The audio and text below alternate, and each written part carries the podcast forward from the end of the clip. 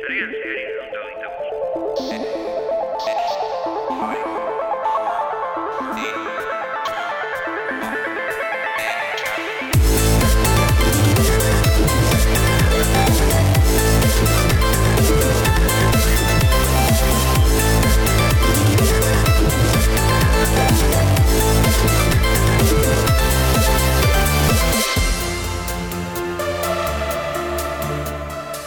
egunetan behin e, teknologiari buruz hitz egiteko biltzen gara hemen sarean zearen eta asti honetan bueno, asti honetan Borja, asti honetan?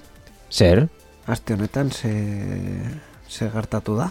Ba, be, ba, aste honetan ni hemen agertzen naiz, hasieran hori ja berri nahiko interesgarri bat dela, normalean ez dena gertatzen.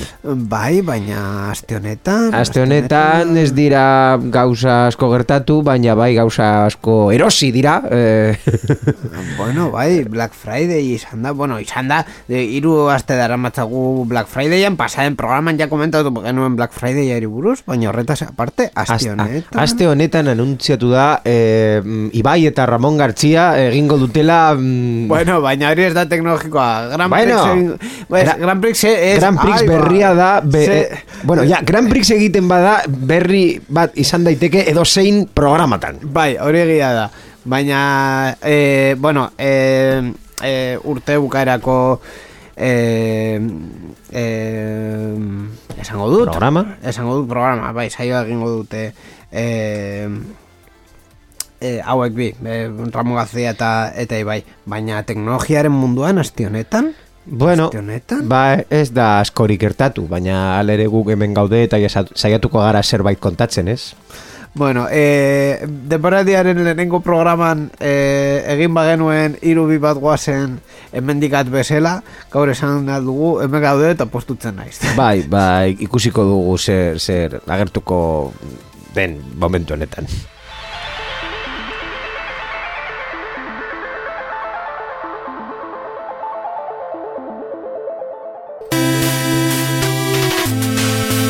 Zarean zearen parte hartu nahi duzu? Gure berriak iruzkin du? Ekitaldi bat kontatu? Gure hankasartzeak kritikatu? Erantzuna positiboa bada, bidali ezazu e-mail bat. Info abildua zarean zehar.eus Gure whatsappa 6 sortzi sortzi 6 sortzi 00 sortzi bederatzi da. Telegram ere daukagu 6 sortzi sortzi 6 sortzi 00 sortzi bederatzi. Gure Twitter eta Facebookeko profiletan idatzi dezakezu ere. Eta ez ahaztu gure asteko agenda. Informazio guztia zarean zehar.eus webgunean zuen mesuak itxaroten ari ditugu. Ah, bai? Bai.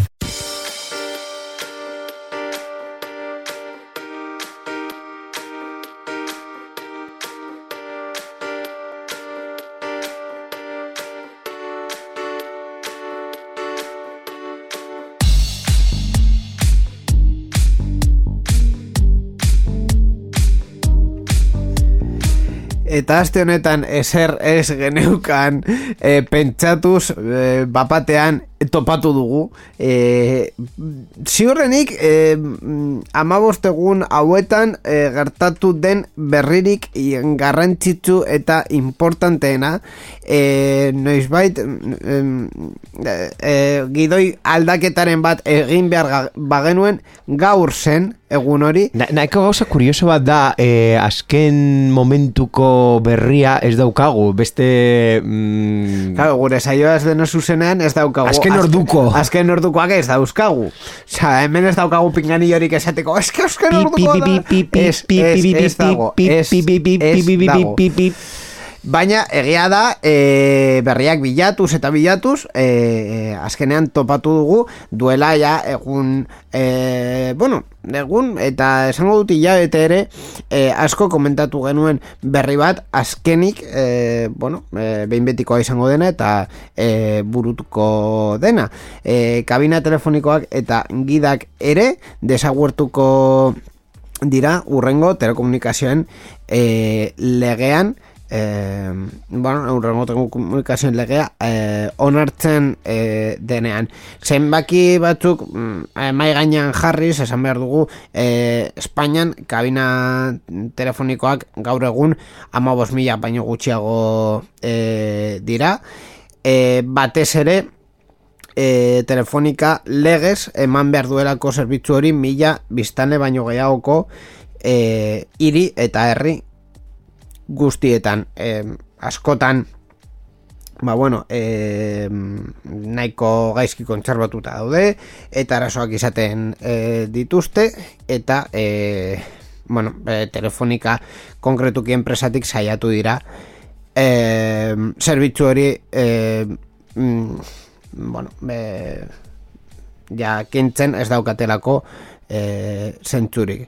Telekomunikazioen mm, e, esango dut, legea ere e, aldaketak e, izaten ditu e, edo izango ditu hobeto esan da e, sare berriak instalatzeko eta e, adibidez WhatsApp bezalako zerbitzuak ere operagailu e, bezala e, e, konsiderazioa bai izateko am, berrien parte bat ja komentatu genuen pasaden programan e, baita ere permanentziaren e, epe gehiengoak eta e, beitu, beste gauza bat ez genuena kontatu bat bat bi telefono emergentziazko telefonoa e, aldaketa pizkatxo bat egiten da e, teknikoki e, ubikazio mm, oso presisoagoa lortzeko hor e, zer ze jende deitzen duen telefono horiek, ba, kasu askotan lokalizazioa oso garrantzitsua da jakiteko non dauden. Permanentziari buruz pasaden programan eitzen eh, no? Bai, bai, bai. Ba, aldaketa horretan ere sartzen da permanentziaren kontua eta e, portabilitateari buruz, hau da, operagailu batetik bestera aldatzerakoan ere oso interesgarria da e, aukera ematen e, dela txartel e, mugikorraren txartela, hau da, sim txartela desblokeatzea e, operagailuz aldatzeko e, ez dut uste ja e, aldaketa teknologikoekin inoiz ikusiko mhm. dugunik mm, suposatzen da ja bost amar urtetan esim sistemak erabiliko ditugula baina agian e, momentu batean posible izango litzateke e, operagailu batek mm, sin bat ematea zuriz, eta beste operagailu batera joaterakoan, sin txartel hori ez eh, aldatu behar, baizik eta sin berdin erabili, eta bakarrik operagailu aldatu. Bai, askotan hitz egiten dugu sabor teknologikoari buruz, eta nola azken araudiak e, pixka bat e, egin dute e, berba gehiago e, araua jartzen eta kargadoren gan e, ezin bai. duzu kargador estandar bat jarri behar duzu eta horrekin sabor teknologikoa ba, gutxitu eta zimei buruz ez dugu apenas zia izer inoiz esan baina egia da e, opera, operadore bakoitzak bere sim e, txartela erabiltzen duela baita ere egia da sim txartela oso oso txikia da hau da hori zaborrara botatzea ez dela mm, ba, pizkat plastiko eta eta eta ja eta eta gur ez, ez, ez gaitu asko importa baina e, sim e, elektronikoa ez e, bai, sim sistema, sim sistema ja e, sim fisiko bat erabiltzen. Ez duena edota erabiltzea e, sim fisiko bat baina edo zein operadorekin funtzionatzen duena hau da ez duzu sim berri bat eskatu behar eta hori uh tramite administratibo burokratiko eta baita ere gasto bat kentzen du. Bai, e, bueno, egia da e, sim txarteloiek ez direla ja oso handiak, baina bueno, bata eta bestea eta bestea eta bestea, e. ere, e, kopura dira. Ba, bueno, hiek dira e, egongo diren aldak eta kurrengo e, telekomunikazioen legean, borradore e, moduan jarraitzen jarraitzen duena, baina bueno, ja eh oraindik onartu behar da, egia esan da. Onartu behar da eta tramite lege tramite guztiak e, pasa behar ditu, baina e, ja badakigu e, lege hori onartzen denean kabinak eta gida telefoniko Galdera da, zer egingo dute kabinekin? Hau da, kabina desmantelatu guztiz edo mantendu dezakezu zeo zer beste zerbitzu bat emateko? Hori galdera oso interesgarria da kasu askotan Hore e, jabitza dira e, Telefonikarena? Kabina bera Kabina bera, bai. Telefonikarena da e, Egia da, kasu honetan e, Espainian kabina hori ez daukala adibidez e, kasu askotan argindarrik ja argindarrak kendu ziotela e, modelo batzutan, beste modelo batzutan erabiltzen da publizitatea e, jartzeko. Bai, poste publizitario bezala, edo... Ordun e, Wifiaren aia ez da... wifi, wifi publikoarena ez dut uste. E, adibidez, erresuma batuan erabiltzen ari dituzte, batzuk wifi emateko, beste batzuk ba, hor utzi dute turismo reklamo bezala. Bai, Eta batua bes- normala da hori. beste batzutan ere erabiltzen ari dute e, desfibriladoreak jartzeko, Mhm. e, ba, bueno, emergentziazko erraminta bezala. Claro, e, egia da, bete, kabinak jartzen zirenean, osea, orain ja, kentzen ari dira, eta kabina berriak ia ez daude. Kabinak jartzen zirenean, ez zegoen ia arazoerik e, telefonika enpresa publiko bat zelako, eta, en fin, e, udal bat ez, ez zuela arazorik jarriko e, telefonikari gaur egun suposatzen dut lurra izango dela e, publikoa, hau Bai. da, udalarena, Mhm. eta e, horrelako zesio bat egongo dela telefonikari. Orduan, telefonika kabina hori kentzen badu, ba, jazta. E, hori errepidea edo kale izantera pasatuko du, eta jazta. E, eta kabina bera suposatzen dut telefonika txatarrara botako duela, agian bat edo bi kontserbatuko dute haien museoan, eta jazta. Beitu, badakizu zer zerbitzu publiko edo semipubliko proposatuko nukeni eh, Esan. egiteko espazio horrekin. E, lehenengo agian oso txikia da hori egiteko, baina e, mm, paketeria banaketa buzoi bat hor jartzea, ez da, ez da oso handia horrelako bat egitea, Claro, baina Amazon. Amazon Locker horrelako sistemak dauzka, e, uste dut ez daudela espazio publiko batean, baizik eta leku itxi batean, sekurtasun arrazoi logiko korreos, dira eta... Korreos pak kasuan eh, daude kalera, askotan kalera begira. Bai, baina eh, kalera begira se, sekurtasun sistema hau da baia edo mm, Bai, bai, bai, Erik, ver, adibidez, ordutegi batean zu joan zaite sointxe bai, bai, bertan. bai, bai, bai, bai, eh, korreos eh, eh, sukursal askotan egin du eh, lehen kajeroa edo beste zerbitzu batzuk zituen eh, gunean, korreos pak hori jartza eta kalera begira daude. Orduan, hori ez da... Hori ez da Agian, bizikletekin bezala beko partean e, biltzen zu egiten baduzu baina lur, lurrete lurren Lurpean, lurpean bai, E, egiten baduzu e, bizikletekin bezala hor sartu eta zuk e, ordenagailu batekin zure mm, paketea edo zure mm, pedidoaren zenbakia jartzen duzu eta hortik makina bat uh, igotzen dizu eta pf, ez da oso praktikoa. Gainera, eske eh, horretan ere operadore mm, horrelako gerra bat dago, korreos bere partetik doa eta beste operagailuek beste sistemak montatu dute. Orduan hori ez, ez dut uste e, erabar, erabilgarria izango zenik. Gainera, supentsatzen nahi duzu momentu honetan, e, el, el, larogeita margarren amarkadan, e, bai, larogei eta larogeita margarren amarkadan, zeuden kabina mota zirela e, karratu bat, non Bai. zu sartzen zinen, eta Bai. askotan, ja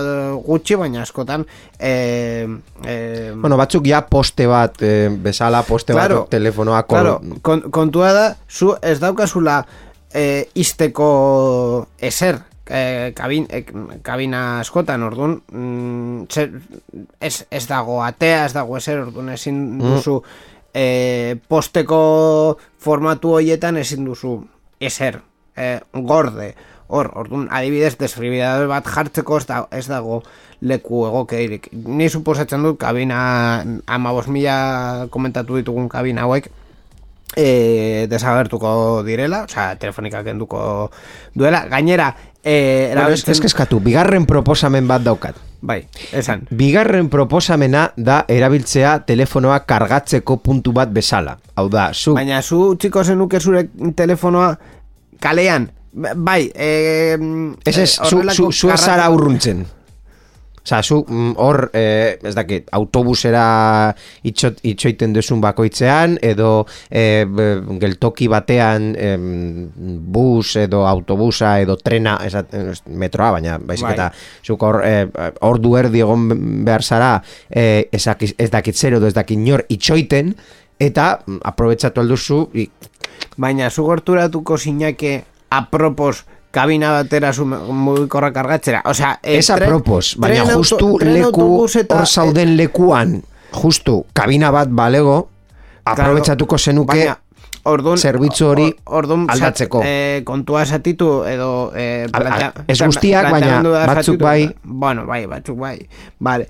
Eh, ni suposatzen dut, mm, guztiak ezagertuko dira, gainera, telefonika eh, zerbitzu hori ematen du telefonia analogikoaren bitartez, eta precisamente telefonia analogikoa eta ADSL kendu nahi dute. Orduan, eh, Bueno, ele, kasu honetan elektrizitatea bakarrik. Elektrizitatea eta entxufeak eta horrekin ja baina USB-rekin pi, pi, pi, pi, pi, Baina beste kontua, nor, nor eh, ordaintzen du hori? Telefonika proiektu horretan sartzeko interesa? Ez dut uste. Bueno, zerbitzu publiko universala, kargatzeko eskubidea. Hirugarren aukera bat daukat. A ber, E, kajero automatiko. Hau da, kajero automatiko unibertsala edo zein bankukoa, ja, e, kentzeko jendeari, mm, beren mm, arazo nagusia, dela sukursalak izten dituzte, eta jun behar naiz e, zentrora, edo bakarri sukursal, nire bankuaren sukursal bat dago, eta beste hogei desberdin non komisioa kobratzen didate, besteekin ateratzen badut dirua, eta nirearekin ez, eta eh, egin bankuaren eh, bankuekin akordio bat eh, eta eh, bankuak ez dute hori. kosteak mm, murriztu. Bankuak, bankuak ez dute hori nahi. Kosteak Ez- murriztu. Ez. Zergatik, askoz, askoz eh, errezagoa da bankuentzat, esatea, bueno, txartela daukazu txartelarekin ordaindu. Listo.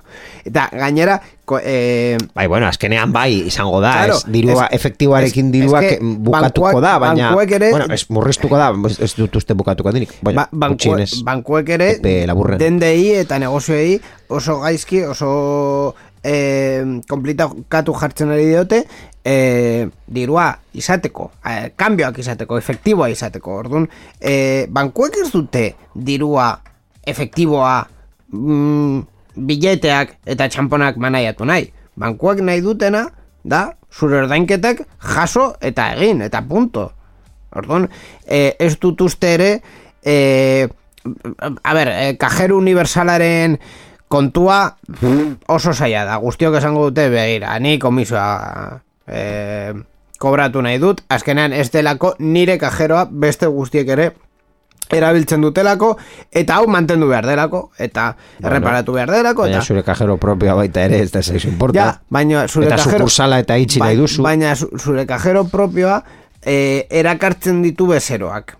Hau da, Be, zure beitu, kajero herri propia... txikietan non bakarrik sukursal bat dago gehienez banku batena eta besteik ez direla hor mugituko eta ez dira hor jarriko zeren eta Bai. mm, Ez irureun daukate- bosteun biztanleko bai. ez, ez dute jarriko baina bat bi hiru lau eta beste bat bi hiru lau eta hor bost biztanle guztiak publikoki mantentzea edo ez mantentzea baina akordio batek bankoekin hau da formula mm, finantziazio formula eh, eh, mixto bat Bai, Ez dakit. Mm, a, e, hiru aukera desberdin, beitu eman dizut, eta hiru aukerak ez dira gauza guztientzako.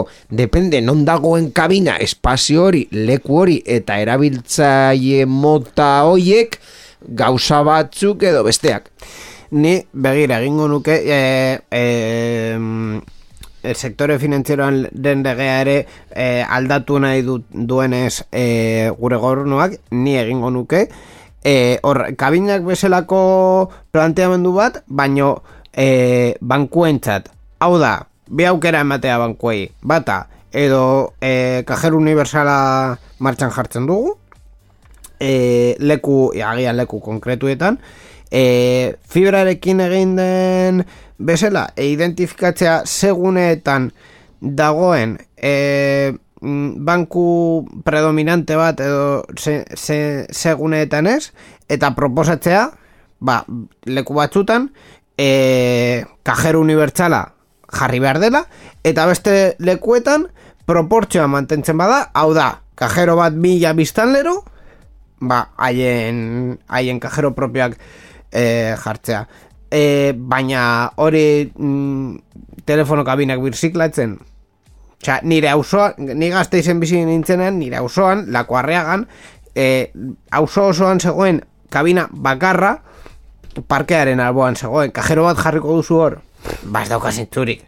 Osea, zent, asko zentzu gehiago zeukan adibidez, bere momentuan e, korreos egin zuen bezala, korreoseko sukursalean kajero bat jartzea. Baina hori zen, ba hori, e, e, kaja postal zeukatenean, eta Bai, hori ba- ja bankorreos edo ez dakit Ban, gero bankorreos izan zena, deutxe bankeko Mhm. eh, kolaborazioarekin, baina hori ja, en fin. Bueno, beitu, amar minututan hiru aukera eman dizut. Eta hiru Eta- oiek ez dute zertarako balio. Bueno, baina amar minututan, zer, zerbait gehiago pentsatzen, ez, ez, ez dago Ez- ez- aukerarik. ez, Hau da, eh, maiu bat hartu eta pum, pam, pam, pum, Bai. eta gur. E, 2000 eta hogeita lauan, ez dakit hogeita iruan ja e, hau errealitatea izango den edo ez, baina ziurrenik 2000 eta hogeita laurako bi kabina geratuko dira, eta bi hoiek izango dira Telefonikako museoan Madrilen. Punto. Zango dizut.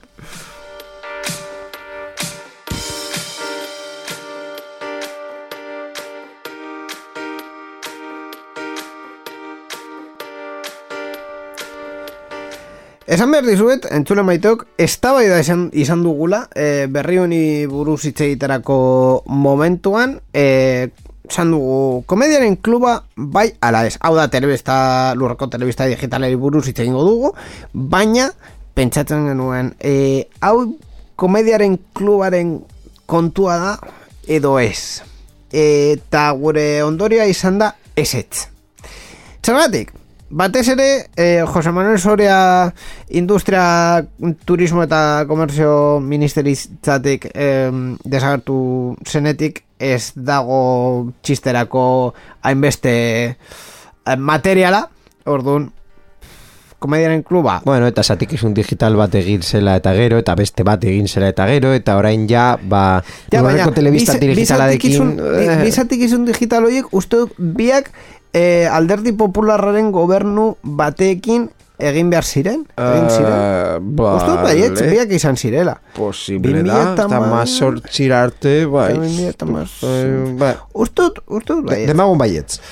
Dena den, e, telebistari buruz dugu, baina e, komediaren klubarik gabe ez dagoelako komedia. Momentuz, proiektu bat delako eta frogetan gaudelako. Elearekin gaude. Lau K probatzen duten e, lurreko telebista digitalako lehen kanalak agertu dira.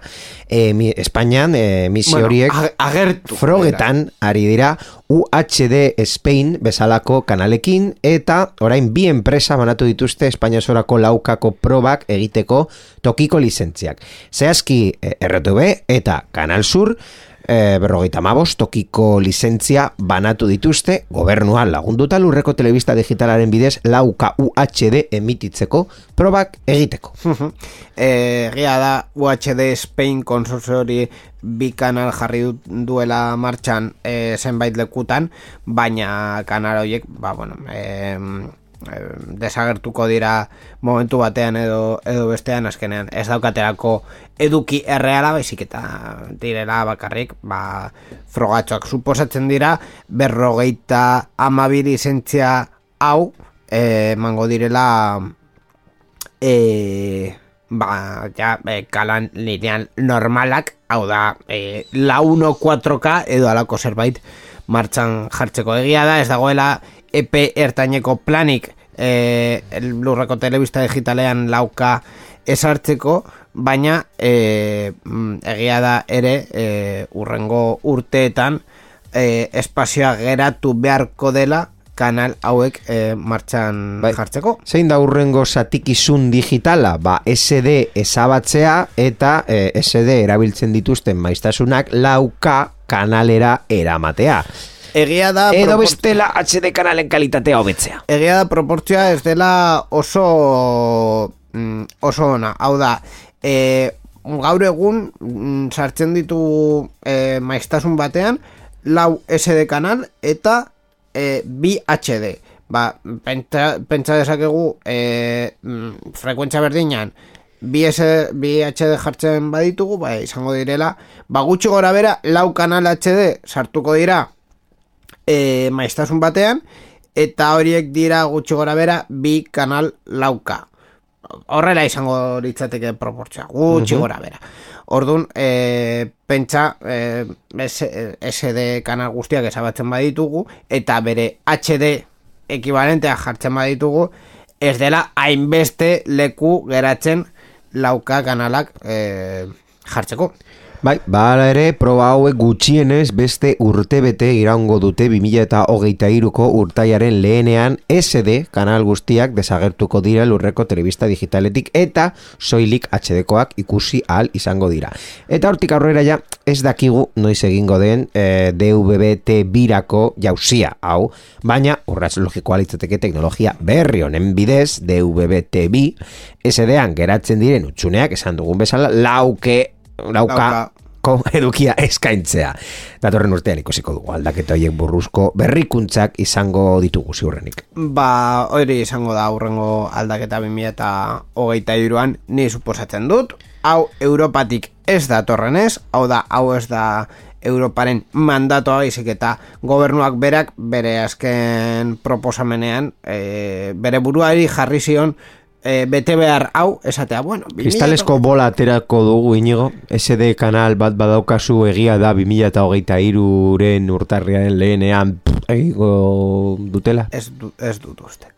Ez dut uste, e, epe, imaginatzen duen, epe bai. oso txikia derako, eta eskenean, adibidez, ez dakit, e, jarriko dugu kasu Discovery, D-Max, daukatela e, lurreko telebista digitalean. Oiei esango diezu, Mm, egun batetik bestera Bueno, mm, bai, hau guztia aldatu behar dugu Baina HD kanala izan eskero horrek esan nahi du ezin dituzula SD edukiak emititu? Bai Hau da mm, Bai, eta Horrelako eh, kanalak eh, emititzen badute mm, Larogei edo larogei tamarreko edukiak Edo seriak edo pelikulak edo nahi duzuna Hori ez dago, atxeden. Bai, baina, bueno, e, emititu alda... Osa, gaur, gaur egun gainera, e, eduki guztiak e, definizio altuan e, ekoizten dira. Hori ez da arazoa. Arazoa da, e, transmisio sistemak kasu batzuk tan aldatu behar direla, eta best, beste batzutan mm, bakarrik dela e, bersintonizatzea. Baina, klaro, e, enpresandiak bai daukate haien kanalak e, definizio altuan, baina Discovery adibidez e, ez dago e, HD formatuan, orduan Discovery ikusten jarraitu nahi baduzu, ber sintonizatu beharko duzu. Orduan, ja, be, bukle berdinen jartzen gara, betiko kontuekin, eta, en fin. E, ez dut uste, 2008 irurako izango denik, e, suposetzen dut, e, Europa esaten duenean, begira, DVB-T erabiltzeari utzi behar diogu DVB-T teknologira pasatzeko. Or, momentu horretan esango dute, bale, ba, hau guztiak definizio altuan. Ja, lauka popul popularizatu dagoenean, bueno, ba, momentu horretan. aukera esan dutena, HD-koak laukara pasatzea. HD-koak laukara pasatzea. Edo, edo, edo kanalen kalitate hobetzea, bai? E, ja, baina HD... Bai, HD... Za, za, za, za, za ez dakit, ez dut oso argi ikusten. Baina, bueno, esan dugun bezala, ikusiko dugu 2008an segertatzen den.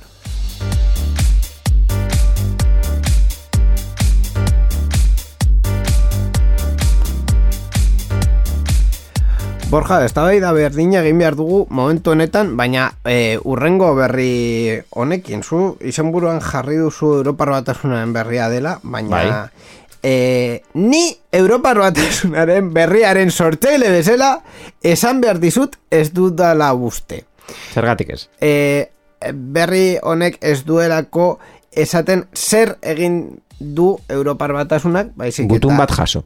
Gutun bat jaso. Ba ez da, ez da, ez dute eser egin. Ordu... Momentuz ez, baina ideia da e, Europar batasunari gutun bat bidali diotela zerbait egiteko. Ja, baina e, ez badute zer egiten oraindik ez, dago Europar batasunan berri así que berri normal bat ba, bat bezala kontatuko dugu. Kasu honetan amairu operadore handi batu dira. Europari Netflix eta YouTube bezalako zerbitzuek sarearen kostur, kostuekin lagu des, lagu, ui, la, ai, ama lagundu laguntza laguntza behar dut ere, lagun, lagun desaten eskatzeko.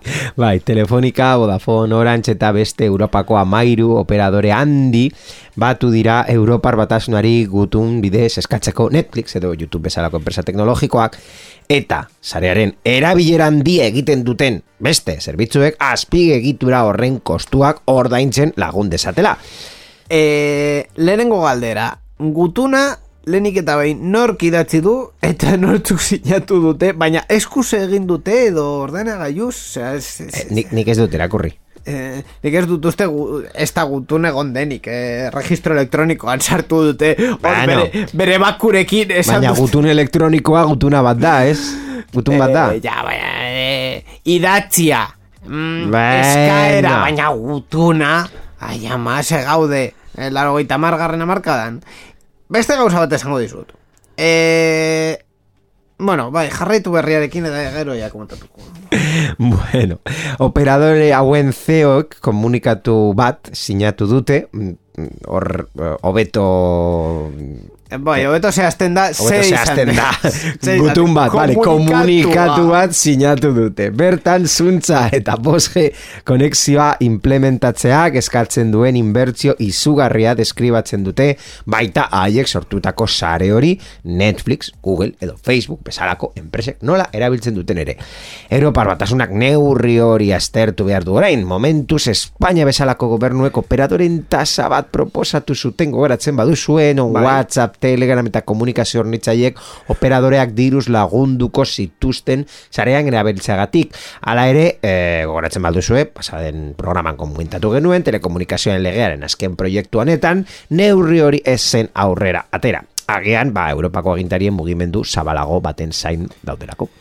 Eh, hau ez, ez ez dut, ez ez dut imaginatzen. Osea, zu imaginatzen duzu duela ama urte edo gehi urte Yahoo bezalako enpresa bati eskatzea. Bueno, eske nire bezeroek eh, ADSL-ko konexio hauek asko erabiltzen dute zure berrien portalera sartzen direlako. Edo, ez dakit, Eta ez dizute ordaintzen konexioa erabiltzeagatik. Claro, es, es que hori da kontua. Eh, gure- Bakoitza bere zerbitzua saltzen du. Claro, eh, batek saltzen dute konexioa eta bestek saltzen, saltzen dituzte edukiak. Orduan, ez, ez dut ikusten, bai, gaur egun edukioiek askoz pisutsuagoak dira, baina ere sareak asko hobetu direlako. Orduan, bata beste Beraiek esaten, esaten dute eh, sareak asko hobetu behar izan direla, beraiek... Behar. Behar. A ber, behar eh, lotxa ez izateko, batez ere, osea, ez, que ez, ez zen ulertzen. Etxeko, bueno, etxeko, enpresetako sare, barne sareak ja gigabit eh, abiaduretan egotea, eta eh, eta etxeetan mm, oraindik amar megako ADSL konexioekin egotea, osea, a ber, teknologia aurrera doa, baina teknologia ez doa aurrera edukien e, pisua gora joan derako. Aldrebes, edukien pisua gora joan da teknologia e, aurrera joan derako eta gero eta kamara e, hobeagoak dauzkagulako eta gero eta e, ordenagailu Bueno, zirkulo bizioso bat bezala iruditu aldugu zen eta Bueno, orain dela bai. amar urte esan genuen mm, guk eh, izaten genuela gure lehenengo datun plana hau da 3Ga agertzen zen eta operagailuak hasten ziren de, datuen planak eh, saltzen beren eh, bezeroei. Hau da hort- hortik atzera ez zegoen telefonorik horrelako eh, sareak ondo erabiltzeko eta eh, ordaitzen zenun eh, megabaite ba, eh, kontsumitzen duzun bakoitza Bai. a, a prezio petroleo Bai, da, bai, hori egia da. e, e, hortik aurrera hasten zen e, momentua eta zenbat kontratatzen zenuen zenbat kopuru e, ez, ez dut esango giga mega, Mega, mega. Hortik, hortik aurrera zenbat kontsumitzen zenuen eta n- e, nik gogoratzen badut le, nire lehenengo plana bosteun mega edo gutxiago zeukan Mm. hilero eta gaur egun berrogeita mar giga Vale, e, nire lehenengo plana zeukan e, bos koma bi koma bos barkatu, bi koma bos G e, ni gogoratzen duen Amon Dietz Oetx, egia da. eta, eta gaur egun ja Barkatu, barkatu, barkatu. Barkatu. Ondietx.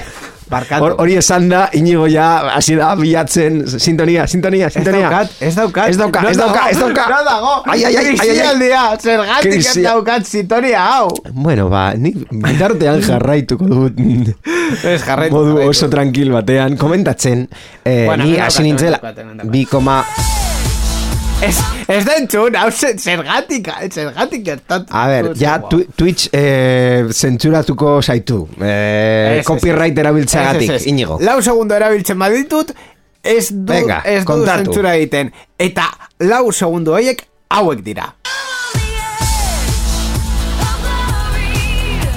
Ya está! Lau segundo! Listo! ez, du, ez du gehiago behar txiste hau ni, egiteko. ni hasi nintzen horrelako datu plan batekin eta mm, ointxe bertan daukat ba, lauge txorron bat e, berrogei tamar gigakoa Bai. eta e, bosgera pasatzen naizen momentuan hau da nire mugikorra mm, horre, hori egiteko gai denean, denean, hori da ba, e, ba, zenbat kontsumituko da baina mm, hori mm, noren kulpa da hau da Netflix, e, Facebook, YouTube e, horren kulpa daukate edo ni, ni e, aukera izan dut e, zerbitzu horiek kontsumitzeko zeren mm, on the edge esen posible Netflix, YouTube eta bar kontsumitzea Badekizu noren kulpa den. noren kulpa da kapitalismoarena. Ai. Gero eta gehiago kontsumitu nahi duelako. ah. Orokorrean. Ba bueno, agian baita ere e, kapital nahi duten Claro. enpresak Claro, es que, Esaten es que dute- Eskatzea oso erresa da, oso erresa da. Begira, beste eh, eskakizun bati buruz hitz egingo dugu ere eh, Ai, ama. egonderako Eu- Europako eh, gutun hoien artean beste bat eh, idatzi dena eta beste bat eskatu dena. Kasu honetan eh, Microsoften kontra. Ai. Ze sorpresa! Microsoften kontra. Bai, hainbat enpresak Nextcloud buru dutela Microsoft ausitara eraman dute Europar Batasunean. Hau, hau ja ezin daiteke Europar Batasunaren berri izan? Mm, ez, Eh. hauek ere Europar batasuneko Hala, hausitegi demanda, demanda bat jartzen badute Europako ausitegian ez da Europar Batasunaren berria. Ez bakarrik jaso ditu dutelako demanda, bai, egin dute Europako eh, que zen, komisioa batasuna ez dakit. Europako eh, komisioa bezala bai, jaso dute gutune eh, demanda eta esan dute, bueno, bai, eh, Bueno. dugu. Ba, Microsoft leiaren aurkako praktikak leporatu dizkiote o sorpresa, Teams edo OneDrive plataformak seriean integratzen dituelako Windows amarrean eta batez ere Windows amaika. Orain dela bilabete bat baino mm, gutxiago uste dut agertu den sistema operatibo berria. Non e, ba, defektuz ja dauzkazu horrelako zerbitzuak. Integraziorik Micro- Microsoftek erabiltzailearen hautatzeko gaitasuna mugatzen duela eta lehiatzeko bidegabeko ostopoak sortzen dizkiela dio. Eta arrazoiarekin Eh, ez da lehenengo kasua, ez ere aldez aurretik eskatu zion Europar batasunari, ba Microsofteko integrazio hori ere posible eh, izan behar zela, kasu hori baita ere martxan dago eh, estudian, ze, eh, estudian dagoela, baina egia da eh, izen interesgarriak agertu direla demanda honetan, esan duzu Next, Nextcloud egiten dutela Bai. software bat OneDrive bezalakoa, baina zure zerbitzarian Kompetentzia. instala... Eh, kasu honetan da, zerbitzari propioan instalatzeko. Eh, baina beste batzuk ere. Bai, e, besteak beste The Document Foundation LibreOffice egiten dutenak. European Digital SM Alliance Bai. edo Free Software Foundation Europe oso ezagunak direnak eh, ere.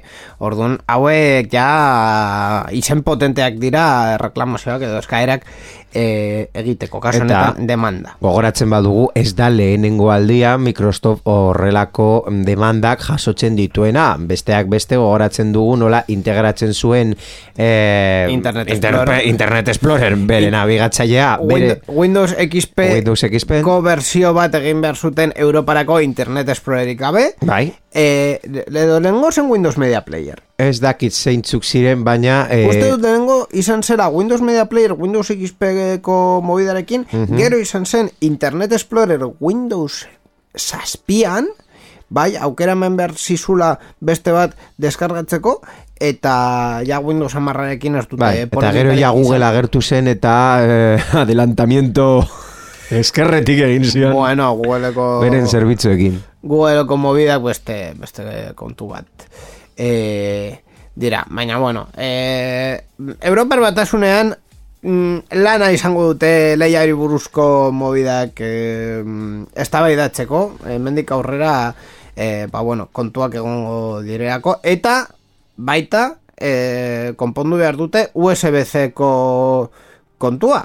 E, Applekoek mm, dauderako esetzean. Hor, horrela da. Ba, bueno, nire itxaropena urrengo programetan Europar batasuneko berri gehiago sintoniarekin egotea, batez ere, gauza hauek, ba, a, martxan jarraituko dutelako eta noin baiten agertuko delako re- resoluzio edo, edo bukaera bat. Ba, hori gertatzen denean, sintonia egongo da.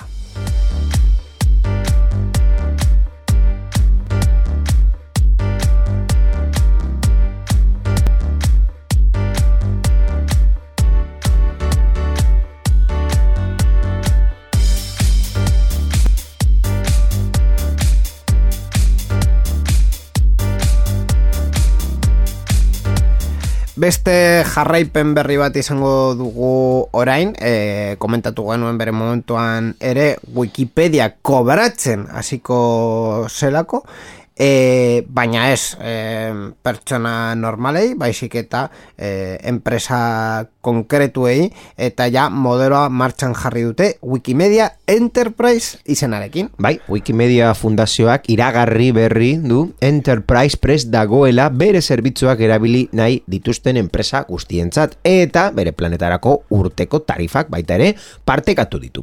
Wikimediak azpimarratu duenez zerbitzu berri honek ez die Wikipediako erabiltzaile partikularrei eragingo. Entziklopedia digitalera doan sartzen jarraitu ahal izango baitute orain arte bezala. Era berean, Wikipediako informazioa erabili nahi duten enpresa guztiek ez dute Enterprise pakete bat kontratatu beharko, baita ere azaldu dute, Wikimedian proiektu berri hau entziklopediaren informazioa masiboki eta azkar erabili behar duten erakundentzako premium zerbitzu gisa ulertzen baitute. e, zerbitzu hau konkretuki e, mm, ba bueno da e, bajo demanda horrelako modeloetan e, erabili nahi badute datu hoiek e, hogeita bost mila eta berrogeita mar mila e, dolar e, urtero e, zerbitzu hauen e, truke. E, denbora realean datuak nahi badituzu, ja, e, dirua gora doa eta ja eskatu behar diozu aurre, aurre kontua e, Wikimedia fundazioari. Baina, bueno, e, esan dakoa, e, modeloak ja martxan jarri dituzte, baina dena den, e, Wikipediako apia betikoa e, hor jarraitzen du eta norbait bere aplikazioa Wikipediako mm, link batekin edo konexio batekin egin badu mm, funtzionatzen jarraituko du. Hau ja e, Google bezalako enpresako e, enpresa tamaina hoietarako e, delako Wikipediako datuak formatu oso oso pertsonalizatuetan nahi duten nahi, nahi dutelako Baita ere, esan behar da Wikimedia Foundation irabazteko asmorik gabeko erakunde bat jarraitzen dela izaten. bai. Hau da, ez direla enpresa bat bihurtu, hau da, ba- bakarrik diru sarrerak gehiago lortzeko eta donazioen dependentzia gutxiago egiteko. Ba, horrela da, horrela da. Eta hau guztia komentatuta, guazen titulolera. Titulol.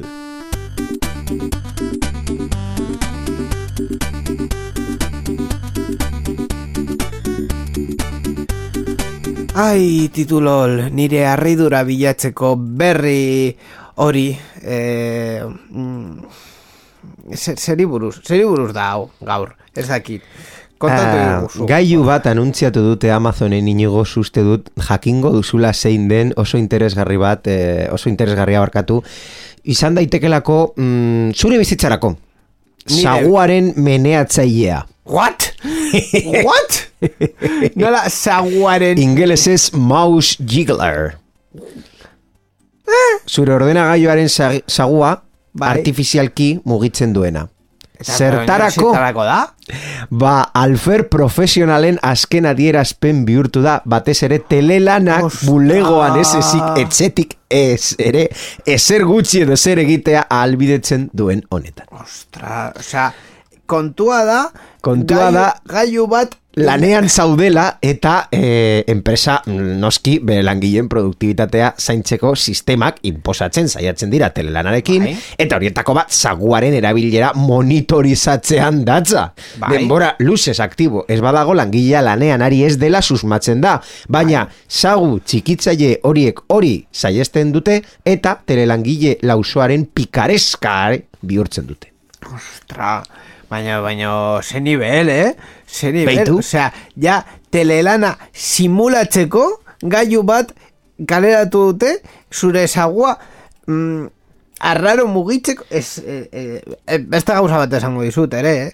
eh begiratzen baduzu, edozein saguan, se- sagu, irudiko sagu bat daukagu hemen, bideoan jarriko dut. Hemen, saguetan, e, zentsore bat dago normalean erdizkan, ba, zentsore hori e, nonbaiten jartzen baduzu ez duela e, oso ondo detektatzen adibidez kristalesko e, mai batean edo horrelako zerbait, sagua ere bakarrik mugitzen da. Orduan, agi, agian, agian, aurrezpen bat izan le, leike mm, normal bat lekua arraro batean jartzea, eta jazta. Agian. Ni, ni txiste polemiko bat egingo dut berri honekin bukatzeko. E, zentzuratu beharko dugu, edo, esan, esan. Ba, funtzionario eta politikoaren gan arrakastan dia izan duela. Irratza hau Creative Commons aitortu ez komertziala partekatu berdin lau puntu zero nazioarteko lizentziarekin banatzen da. Horrek esan nahi du gure edukiak nahi beste partekatu ditzazkezula. Informazio gehiago nahi baduzu josarean zehar.eus webgunera.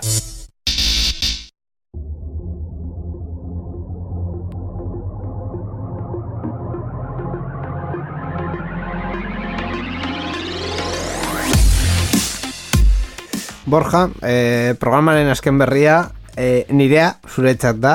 Eh, eh, sortu ikusi baina politikari bat deitu dit eta esan eh, dit eh, kalera zela. Oh, Orduan, markatu baina ez diot kasurik egingo eta urrengo programan gurekin egongo zara. Eskerrik asko inigo eta entzule guzti hori urrengo programar arte. Eskerrik asko ere Mikel Carmonari berrikuspen teknikoan egon delako eta baita ere irratietan eta e, irratietan eta irratietan ere dauden teknikari eta ekoizpen taldeei eta baita ere zuei gure entzulei.